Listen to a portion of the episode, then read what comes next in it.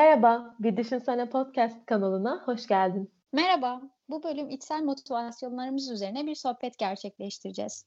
Bizi hedeflerimizi gerçekleştirmeye, daha iyi versiyonumuza dönüşmeye, kendimizi geliştirmeye iten motivasyon kaynaklarımız neler?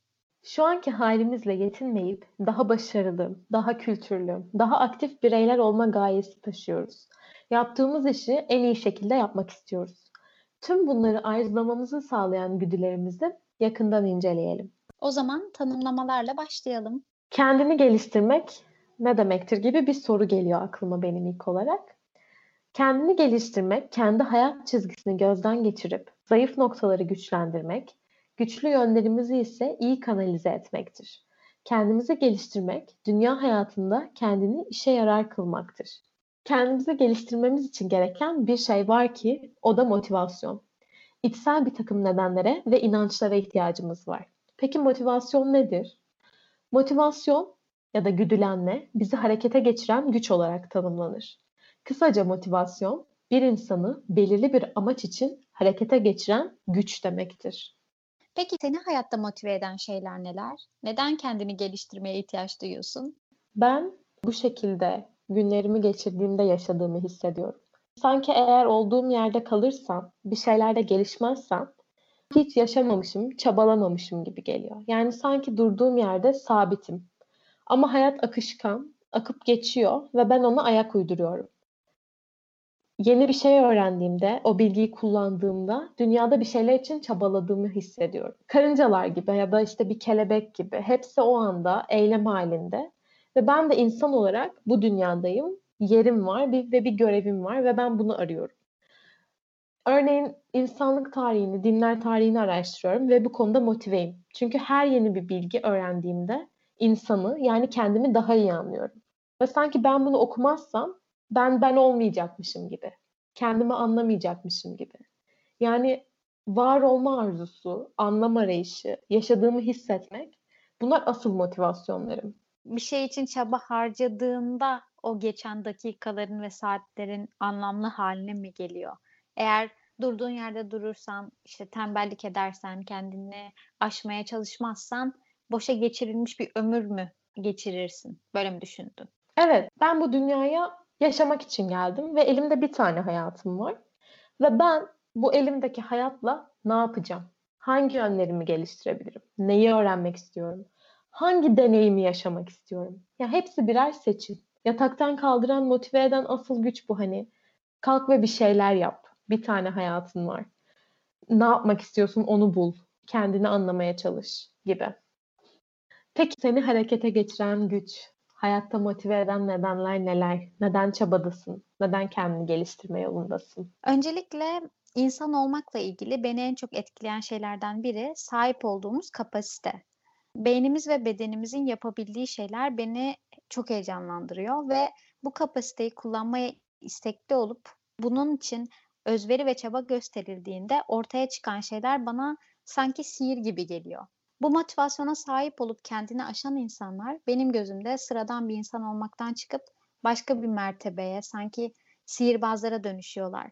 Bu sihirbazlara birçok örnek verilebilir. Tarihten, ülkemizden, Atatürk mesela ya da Einstein gibi dehalar, Platon gibi düşünürler, rekorlar kıran sporcular, Leonardo da Vinci, Botticelli gibi sanatçılar ya da günümüze geçersek teknoloji devleri.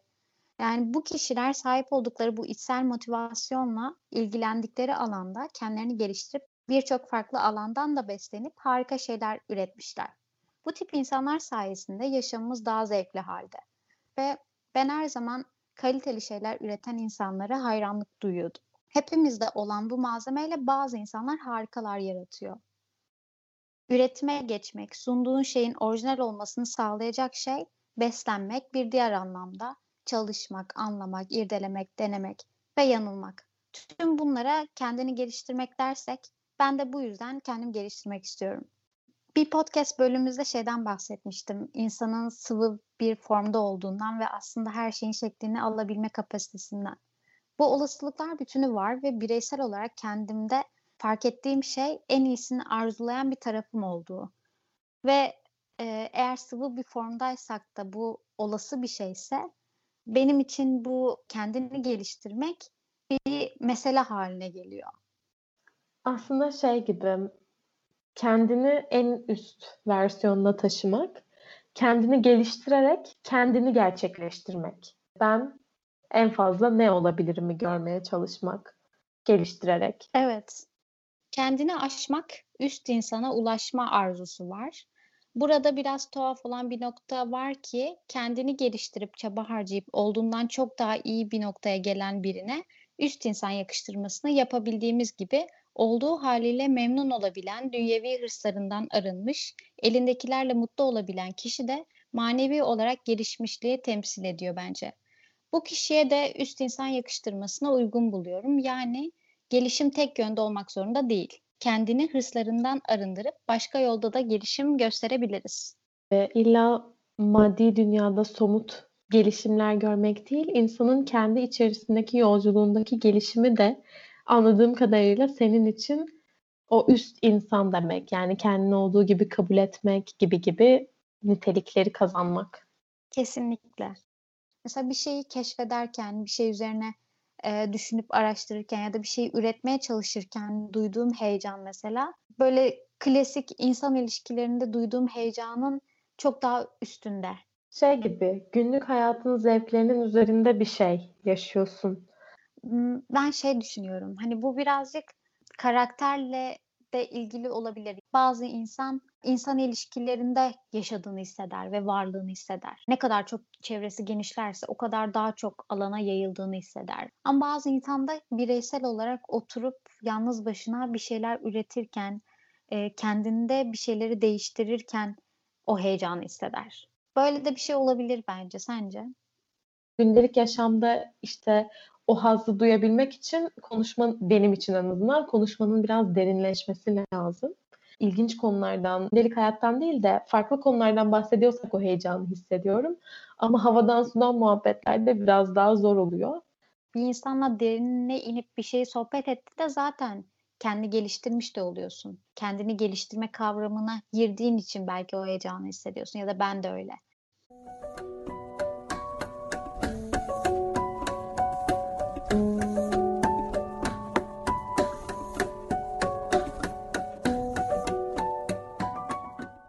Düşünelim. Kendini geliştirme motivasyonu ne zaman gelir insana? İçsel motivasyon dediğimiz dürtü doğuştan mı gelir? Yoksa sonradan kazanılabilir mi? Dünyadaki başarılı kişilerin hayat hikayesini incelediğimizde çocukluk zamanlarındaki farklılıklarını ve ilgi alanları olduğunu görürüz. Bu biraz kader gibi gelir bize. O çocuk kendini gerçekleştirmek için dünyaya gelmiş gibi. Örneğin Elon Musk'ın çocukluğuna baktığımızda küçücük yaşta ansiklopedilerle ve roketlerle ilgilendiğini, genç yaşında birçok girişime atıldığını görüyoruz. Eğer bu dürtü doğuştan geliyorsa ve bizde yoksa artık yapacak bir şey yok mu? Bunu sana soruyorum. Bence biz böyle hikayeleri sevdiğimiz için başarılı insanların da böyle hikayelerini dinlemek hoşumuza gidiyor. Ama kesinlikle doğuştan değil. Yani mesela o KFC'nin kurucusu, o Kentucky Chickens falan e, onun o girişimi 65 yaşında mı ne yaptığı söyleniyor. Yani o motivasyon bence doğuştan değil. Sonradan da kendini gelişmek için motive edebilirsin. Algıda seçicilik diyorsun. Yani bunlar daha çok gözümüze sokuluyor. Aa o çocuk küçüklükten beri öyleydi. E, evet masalı. o hikayeyi seviyoruz.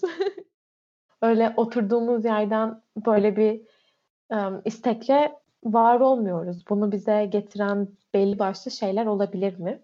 Bu bölümü çekme nedenimizin çıkış noktasından bahsedelim. Bir tane röportaj dinlemiştim ben. Bu röportajda siyahi kökenli iki kişi arasında geçiyordu. Şu dikkatimi çekmişti. Genç olan adam sözlerinde çeşitli göndermeler yapıyordu. İşte tarihten, felsefeden ve sohbetin bir kısmında şu itirafta bulunmuştu. Ben hep kendimi geliştirmeye, okumaya, öğrenmeye çabaladım. Çünkü farklıydım.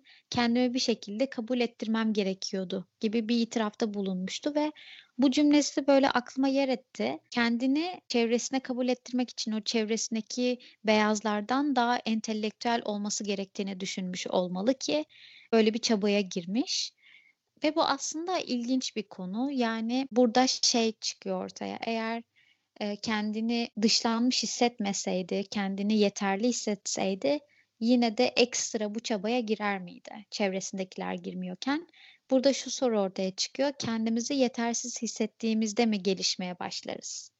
Yani bu aslında ilginç bir soru çünkü hani hiç bu bakış açısıyla bakmıyoruz çoğu zaman. Kendini geliştirmek böyle hep pembe şeker pamuklar Havalı bir şey gibi bir içerisinde de yani. havalı bir şeymiş gibi.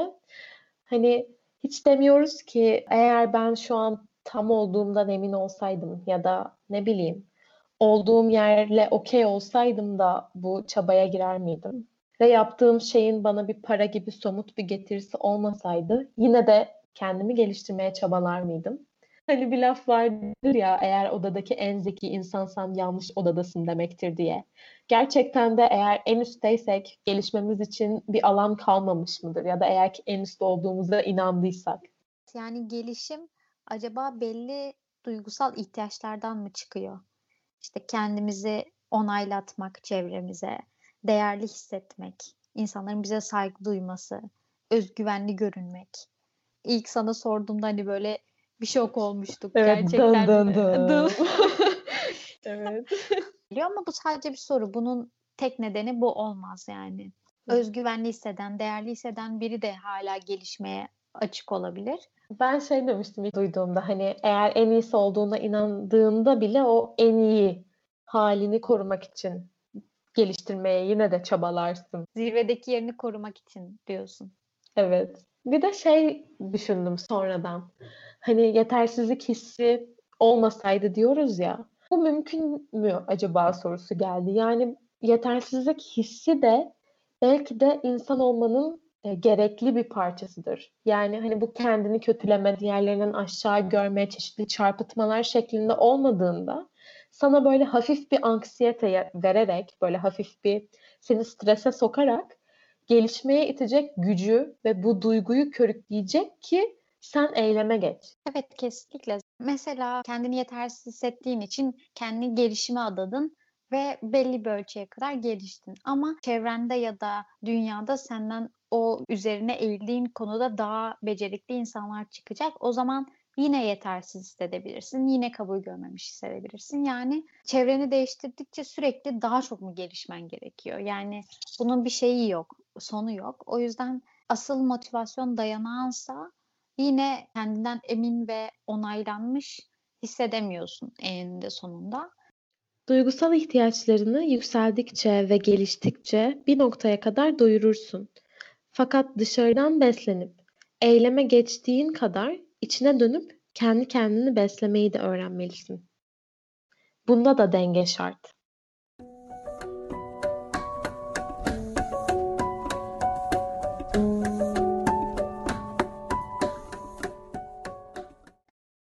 Eyleme geçme motivasyonumuzda hangi duygusal ihtiyaçlar var? Aslında böyle bizi eyleme sürükleyen bir sürü faktör var.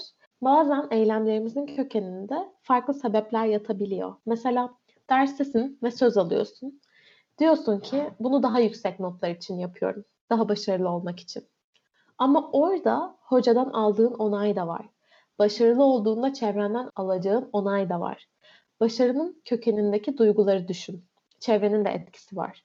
Başarısızlığı neden istemediğini düşün. Herkes ne diyecek? Yapamadığımı görecekler diyorsun belki. Yani iyi hissettiren pek çok şey var. O başarılı etiketinin altında. Başarılı olma güdüsünün altında. Başarılı etiketi için dediğin gibi e, eyleme geçenler var. İşte derste söz alıp hocanın gözüne girmeye çalışanlar var ve bahsetmiştik hani yetersizlik duygusundan da gelişim gelir diye.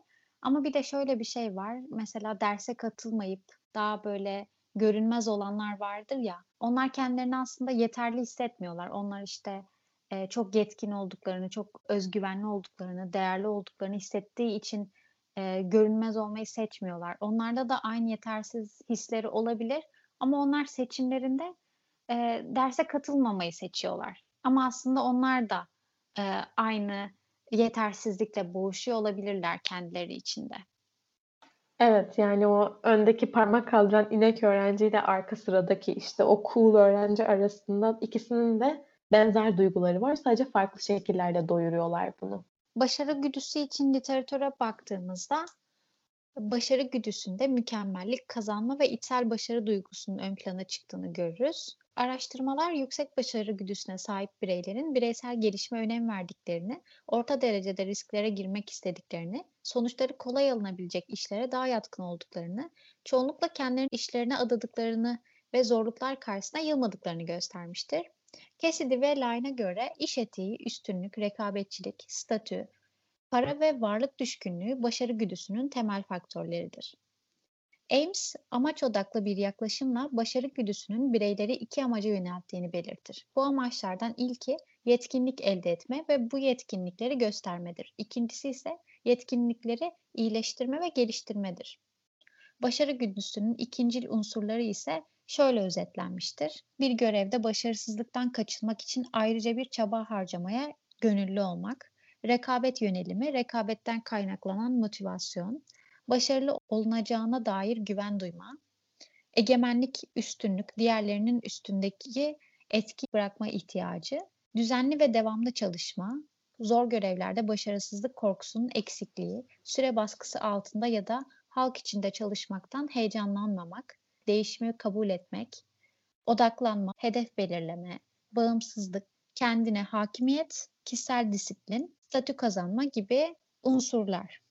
Evet, olarak. sanki bunların hepsi başarılı olmak için ya da koyduğun hedefe ulaşmak için çantanda bulunması gereken malzemeler gibi.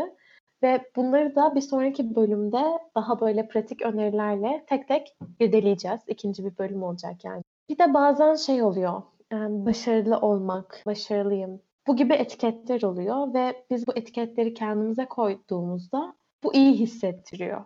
Peki bu iyi hissettiriyorsa ben bunu neden kaybetmek isteyeyim? Hobiler için de geçerli bu. Bu etiketler var. Fakat bunlar benim isteklerime göre değişebilir. Önceliklerim değişebilir ve bu etiketler sonsuza kadar benimle olmak zorunda değil dediğimizde biraz rahatlıyoruz. Ama eğer abartırsak, bağlanırsak bu yarattığımız imgeye, tek bir etiketi beslemeye çalışırsak bazı zararlarını hayatımızda görmeye başlayabiliyoruz. Etiket için mi istiyoruz yoksa süreçten mi keyif alıyoruz? bir şey için çabalamaktan, o önümüze çıkan engelleri böyle pıt pıt aşmaktan, çözüm üretmekten, yaratıcı olmaktan, e, bu süreçten de keyif alıyor muyuz yoksa başarılı etiketine ulaşma ihtiyacından mı kendimizi geliştiriyoruz? Eğer böyleyse sadece etiket peşindeysek ya da aldığımız etiketi koruma peşindeysek o zaman bu bir süre sonra artık zevk vermemeye başlıyor ve belki de hayatının bir noktasında bunu bırakmaya başlıyorsun. Bu da, eee, sürdürülebilir bir şey olmuyor. Süreçten de keyif almamız gerekiyor.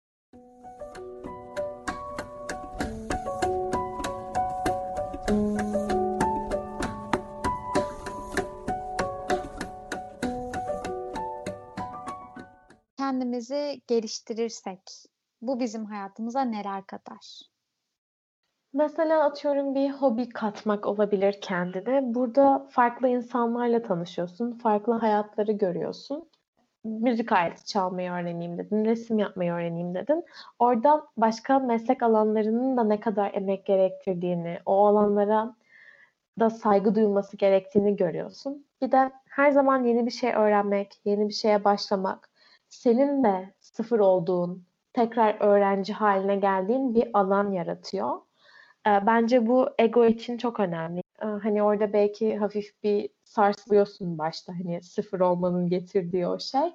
Başardıkça o özgüvenin oluşması ve yapabileceklerini görmek. Ve bu şey de sağlıyor. Başka şeyleri de yapabilirim.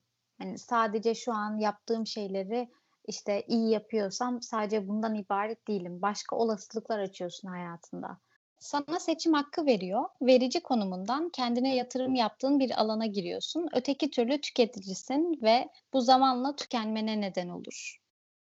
Şey karşına çıktığında onu yönetme becerisi katıyor. En basit bir hobiyle bile ilgilenirken atıyorum Kesinlikle. bitki yetiştiriyorsun. Orada senin karşına işte eğer çok suluyorsan bitkin soluyor vesaire bir takım engeller çıkıyor ve sen araştırarak, öğrenerek çözüm üretiyorsun. Zihninde yaratıcı çözümler oluşmaya başlıyor ve her engel karşısına çıktığında yılmama, e, modunun düşmemesi gibi şeyler katıyor sana ve bu atıyorum mesleğini yaparken onunla ilgili bir önüne bir sorun çıktığında esneklik kazanıyorsun o engelleri aşarken. Böyle katkıları var ve saygınlık kazanıyorsun. İnsanlar söylediklerini değerli buluyor. Senden bir şeyler öğrenmek istiyorlar, tavsiye almak istiyorlar.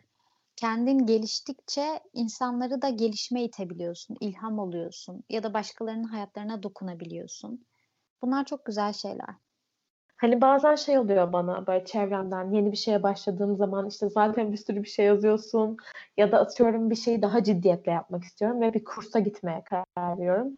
Diyorlar işte zamanın yetecek mi, yetişebilecek misin, yoğunsun. Mesela aslında e, bu yoğunlukta onu dengeleme yeteneğini de kazanıyorsun. Yani atıyorum tabağına sen birden fazla şey koydun ve o tabak dolmaya başlıyor. Senin o tabaktan bir şeyleri atman gerekecek. Ve neleri atmaya karar verdiğin senin önceliklerini belirleyecek. Örneğin işte sen hobilerin var, derslerin var, okunacak kitaplar, sosyallik, aile, bir sürü ve zamanın kısıtlı ve sen o her seçiminde senin için öncelik olanı görebiliyorsun kendi geliştirmenin bir katkısı daha var bence. O da şu, seni e, böyle belli bir alana sokuyor ve çevrenden belli ölçüde, belli zamanlarda soyutlanıyorsun. Ve bu sayede işte gereksiz konuşmalardan, e, böyle dramadan uzaklaşmanı sağlıyor. Ve bu sebeple de işte zihnin daha temiz oluyor. Böyle gereksiz çöp bilgiler olmuyor ya da sürekli duygu üretmiyorsun. Belki daha sabit bir ruh halindesin ve bu da seni daha huzurlu yapabilir.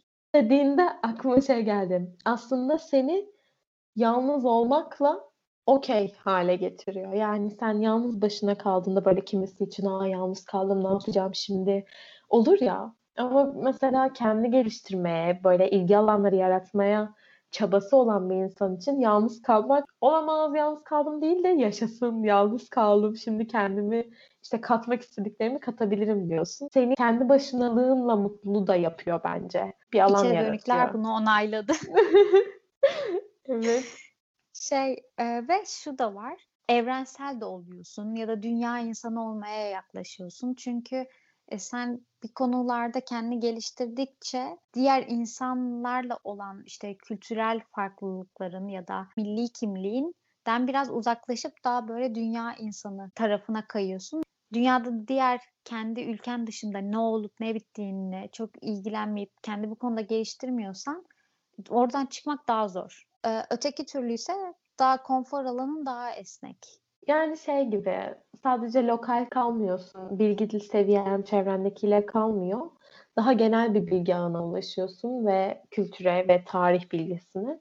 Ve bu sayede de daha çok ortak nokta bulabiliyorsun. Yani konuşma alanın işte onunla bununla şununla şurada ne olduğuyla sınırlı olmadığı için uzaktan bir insanla da konuşabiliyorsun.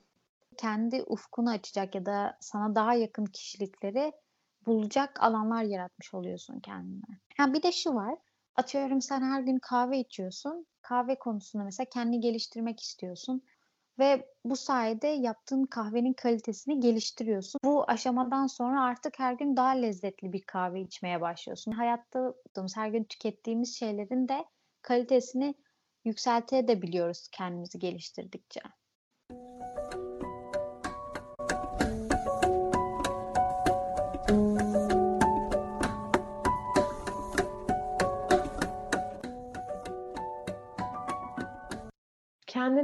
Geliştirmenin pek çok katkısı olduğu belli. Yani düşünsek daha sayarız ama bunu bazen abartabiliyoruz. Yani çok hırslanabiliyoruz. Bunu nasıl anlayabiliriz? Bizim için alarm bulgular var mı hayatımızda görebileceğimiz? Biraz bunu düşündük. Mesela kendini yorgun hissetmek, stres içerisinde olmak, sürekli kaygı duymak, özellikle sırt ağrıları bunun belirtisi olabilir ya da çevremizden küçük küçük uyarılar gelebilir. Aa bak işte çok çalışıyorsun biraz dinlen gibi. Ya da huzurlu anların, basit anların artık çok fazla keyif vermemesi, hayattan aldığımız keyfin azalması. Evet ya da uyku problemleri yaşayabiliriz veya sonuç odaklı olduğumuzu fark edebiliriz. Yani yaptığımız şeyde sonuç kötü çıkınca e, uğradığımız hayal kırıklığı ya da öfke ya da bazen şey olabilir, başkalarının başarısını ya da başkalarının emeğini öv övememek. Başkası takdir edilince rahatsız olabiliriz. En çok biz takdir edilmek istiyor olabiliriz. Ya da kendini geliştirdiğin konularla kendimizi tanımlar hale geldiğimizde o etiketlerin bizden gitmesi bizi çok rahatsız edebilir. Örneğin siz başarılı bir sporcusunuz. Sakatlandığınız anda aman işte o iyi sporcu etiketim gitti diye e, bir çöküş yaşamak mesela bu bunun dengesinin kaçtığını gösterebilir. Son olarak da şu olabilir. Hırs duygusu içimizde büyüyor ve bu hırs bizi eyleme de geçirip harika şeyler ürettirebilir. Kolumuzu bağlayacak düzeye de gelebilir. Hani bazen öyle hırslanırsın, öyle e, bir duygu yükselir ki hiçbir şey yapamazsın. Çünkü o duyguyla boğuşursun. Hırslanınca bunu da görüyorsun. Kendini gözlemleme şansın oluyor. E, bu işte bazen baskı yaratabiliyor hobi olması gereken bir şey. Bir sürecin keyif almak olduğunu hatırlamak gerekiyor. Dezavantajı gibi kendini geliştirdikçe aslında bir ölçüde değişime uğruyorsun ve çevrendekilerden farklılaştıkça da çevrenle uyuşmamaya başlıyorsun ve yeni insanın arama ihtiyacı oluyor. Belki şu an çok iyi anlaştığın ve da kendini güvende hissettiğin bir yerde artık barınamayacak hale gelebilirsin. Da onlar seni anlayamaz. Farklılaştıkça dışlanabilirsin. Bu bölümde içsel olarak motivasyonlarımızdan bahsettik. Umarız kendinizle ilgili bir şeyler keşfetmişsinizdir ya da düşündürebilmişsinizdir. Diğer bölümlerimize göz atmayı ve takip etmiyorsanız bizi takip etmeyi unutmayın. Diğer sosyal medya adreslerimizi de aşağıdaki açıklama kısmında bulabilirsiniz. Bize destek olabileceğiniz bir linki de aşağıya ekledik. Bir sonraki bölümde görüşmek üzere. Hoşçakalın.